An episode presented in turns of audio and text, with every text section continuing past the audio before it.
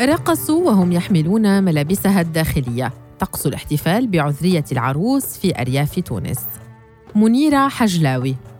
لن أتحدث عن نفسي ولكن نيابة عن شقيقتي وعن مشاعر الصدمة والاشمئزاز والخجل التي تعترينا كلما تذكرنا ما حدث ليلة زفافها. تقول مريم اسم مستعار لرصيف 22 قبل عشر سنوات من اليوم كان موعد زواج شقيقتي ابنة محافظة سيدي بوزيد بزوجها ابن أحد أرياف محافظة سليانا والذي كان يفترض أن يكون يوما سعيدا وذكرى جميلة ولكن أسرتي كانت على موعد مع مفاجأة غير سارة تضيف. تقول مريم إنه عندما انتصف الليل كانت الأخت وعريسها جالسين في المنصة المخصصة لهما وكان الجميع من أهله وأقربائه منغمسين في الرقص على الحلبة على أنغام الطبل والذكرى وهي موسيقى الأعراس التي تختص بها أرياف سليانا وفجأة تغير كل شيء.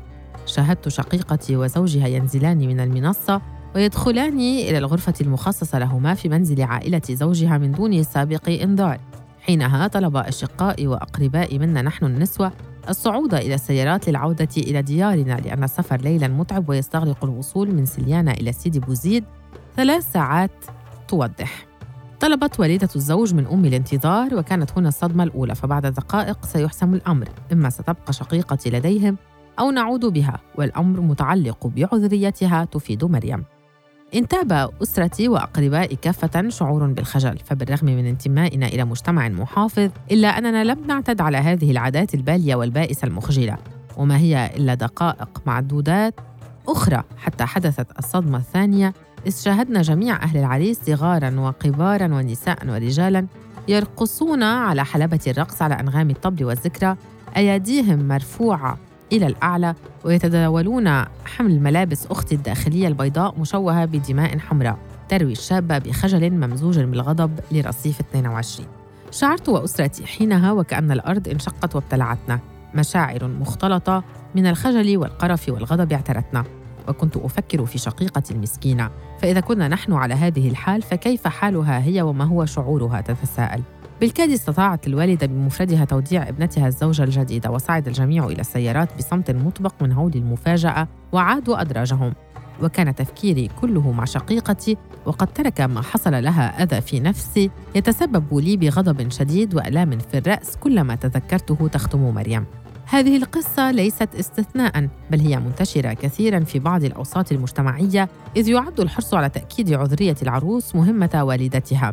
في بعض الأوساط الريفية في المحافظات التونسية وما زالت تحافظ نسبة كثيرة من الأمهات على هذه العادة مع تغير بسيط في التفاصيل. قبل شهرين من الآن تزوجت من شريك حياتي ابن محافظة قفصة أنا ابنة محافظة سيدي بوزيد. ومر كل شيء على ما يرام تقول وفاء اسم مستعار لرصيف 22 في صباح اليوم الثالث لزواج وفاء أصرت والدتها على إقامة عادة اجتماعية متوارثة في سيدي بوزيد تسمى القصعة كطريقة للاحتفاء بعذرية الابنة وخاصة لتفاخر والدتها بها أمام أهل الزوج نساء وجارات وقريبات. وترتكز هذه العادة على إعداد طبق العصيدة البيضاء أساسها مادة الدقيق بزيت الزيتون وتزين وتغطى بالفاكهة المكسرات والحلوى وتغمس فيها العروس أصابعها لتأكل بعد ذلك من الطبق الفتيات العزبات والمقبلات على الزواج. كذلك تتولى والدة العروس بمعية نسوة أخريات صناعة السرغين وهو نوع من البخور الذي تتكون منه قفة العروس التي قدمها لها زوجها لأثناء التحضير للزواج والتي تتكون من مواد تقليدية كالحناء والبخور والسواك والكحل بالإضافة إلى صناعة العنبر والسخاب وهو عقد من البخور تفوح منه رائحة زكية. لا فائدة من مناقشة والدتي في هذا الأمر لكني محظوظة لأنها تخلت عن حركة عرض ملابس الداخلية للحاضرات لكنها تعد حفلة القصعة تعويضا على ذلك. أعلم جيدا أنها تريد من وراء هذا الجمع إظهار سعادتها بأن ابنتها تهنت وكانت عذراء. حتى وإن عارضتها أتفهمها تقول وفاء. يضحكني الأمر إذ تجتمع النساء ويأكلن ويمرحن ويتحدثن ولكني أقرأ في نظراتهن الكثير. لا أعلم ما دخلهن في حياتي التي أعيشها بتفاهم مع زوجي ولكني على يقين من أنهن وبعد خروجهن من الغرفة سيتناقلن خبر أن فلانة ابنة فلان تهنت كانت عذراء وأن والديها الآن يستطيعان استكمال حياتهما من دون خجل أو حمل أي وصمة عار تختم عن استمرار بعض الأوساط الريفية التونسية في ممارسة هذه الظواهر المجتمعية يقول المتخصص في علم الاجتماع محمد نجيب بوطالب أنه كلما تم التعامل مع هذه الظواهر التابوهات أو المسكوت عنها بسرية في عالم النساء وحدهن أو في عالم الرجال وحدهم كلما ازداد انتشارها وإشعاعها ومن بينها ظاهرة دخلة الزوج على زوجته للمرة الأولى في حفل شهير. ويوضح لرصيف 22 أنها ظاهرة ترتبط أساساً بالريف التونسي الذي يشهد بدوره تغيرات نحو التخلي عن مثل هذه الظواهر نتيجة تطورات عديدة منها ارتفاع مستوى التعليم عند النساء والرجال. وأشار الباحث إلى وجود تناقض في الأمر لأن المجتمع الريفي محافظ ويرتكز على الحشمة ولكنه يضم أحيانا بعض التصرفات الغريبة مثل إطلاق النار والزغاريد ودق الطبول بعد انتهاء دخول الزوج على زوجته خاصة من أهل العروس تعبيراً عن شرف ابنتهم ويعزو طالب ربط مسألة عذرية العروس بقضية الشرف إلى مجتمعاتنا الذكورية التي تعد الجانب الجنسي حساساً فتركز عليه كونه محددا لمفهوم الشرف. وتحدث عن استمرار بقايا هذه الظاهرة في بعض الأرياف التونسية في الوسط والشمال الغربيين والجنوب التونسي حيث يعطون قيمة كبيرة لدخلة الزوجين وللاحتفاء بعذرية الزوجة. ويتم إشهار إتمام الدخلة للمجتمع وخاصة الأم التي تضغط على الإبن والإبنة. يؤكد في هذا الإطار أن والدة العروس وشقيقاتها يرغبن في إظهار أن ابنتهم رمز للوفاء والعفة والشرف والكفاءة وتالياً في أشعار الأنساب والأقارب والجيران بذلك حتى أن أفراد أسرة العروس لا ينامون ليلة دخلتها من شدة التفكير وعندما يعودون إلى منزلهم يقيمون حفل زواج آخر مصغراً فيه الرقص ودق الطبول. كما يرجع مختص علم الاجتماع استمرار هذه الظاهرة إلى خاصية المجتمع العربي الإسلامي وخاصة الأوساط الريفية المحافظة التي تريد إشهار الزواج وحيثياته وإظهار المكانة المجتمعية الملتزمة والمتضامنة مع قيم المجتمع المحلي. مبينا أن شرف العروس هو إحدى هذه القيم لذلك تحرص الأسرة على إظهار هذا الجانب للآخرين وتاليا لا تتخلى بسهولة عن العادات والتقاليد كما يعزوها إلى افتقاد المجتمع الريفي المراقبة والجانب الأمني ما يدفعه إلى بناء أمنه وحده. فعندما تقدم المرأة على الزواج تبدو وكأنها تدخل إلى امتحان ولإثبات شيء ليس بالشهادة ولكن بإشهار أنها شريفة وبكر وذلك أمام الآخرين.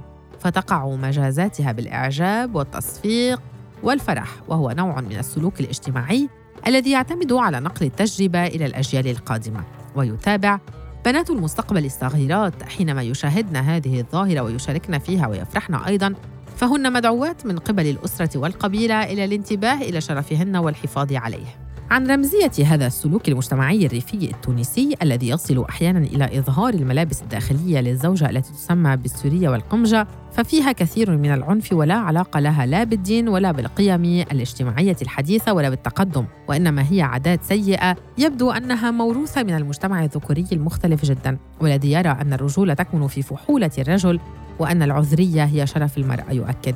ودعا أبو طالب وسائل الإعلام إلى الاطلاع بدورها في نشر الوعي وثقافة الجنسية والاجتماعية والأسرية في صفوف المجتمع التونسي بصورة مدروسة للقضاء على هذه الظواهر التي تتراجع بدورها. ولعلم النفس قراءة ثانية للموضوع خاصة فيما يتعلق باستمرار هذه الظواهر الاجتماعية في المجتمعات الريفية المحافظة بالرغم من أنها محرمة دينياً.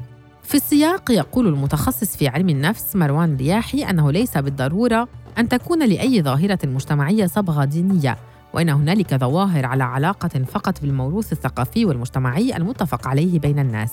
فليس بالضرورة أن يكون المجتمع المتدين ملتزما بكل ما له علاقة بالدين ويلاحظ في تصريحه لرصيف 22 في علاقة بظاهرة الاحتفال بعذرية العروس وجود سطوة الموروث المجتمعي والشعبي على كل ما له علاقة بالدين بخصوص بعض عادات المجتمع التونسي وتقاليده.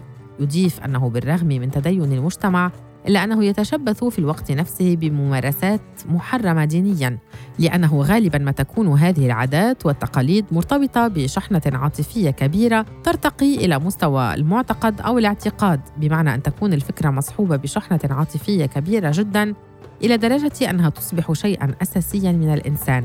فيحدث نوع من التقديس لهذه الفكرة أو لهذا المعتقد.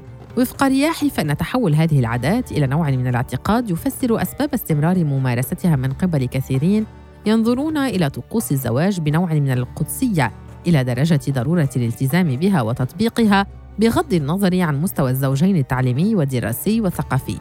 عن رمزية انتشار مثل هذه الطقوس يتحدث رياحي عما وصفه بمحظور العذرية الغامض في المجتمع التونسي والذي أصبحت لديه هالة من القدسية تتلخص في مثل هذه الطقوس والعادات والتقاليد المعينة. ويرى أن عذرية المرأة هي مسألة محورية ليس للزوجة فحسب وإنما للرجل الذي سيتزوجها ولأسرتها فهي مرتبطة بفكرة الشرف وخوف الزوجة والأسرة ليس على شرف الزوجة بل على شرفهم وشرف العائلة الموسعة والأقارب وحتى أبناء الحي أو المنطقة. لهذه الأسباب يوضح رياحي فإن ممارسة هذه الطقوس منذ ليلة الزواج أو في صباح اليوم التالي فيها نوع من إثبات الشرف بأن الزوجة عفيفة ونظيفة ولم تجرب وتكتشف سابقا قبل زواجها. ويشير إلى أن التعريفات الكلاسيكية النفسية تعرف المرأة على أنها رجل لا يملك عضوا ذكريا ما يعني أن الفرق بينهما مرتبط بالعضو الذكري. وفي هذه الحالة سيثبت الزوج كفاءته أو أسبقيته النفسية أولا بالممارسة الجنسية وثانيا بقوته البدنية وبسلطته وجبروته وطغيانه لأن الرجل وعلى مر التاريخ يتمتع بالأسبقية النفسية والمعنوية والاجتماعية على المرأة. يضيف مروان رياحي أن الرجل لا يستطيع إثبات هذا الغرور الذي منحته إياه هذه التعريفات إلا عبر هذه الحركة الجنسية التي يجب أن تكون مقدسة إلى درجة أنه يجب على الزوج أن يكون أول من نام مع زوجته.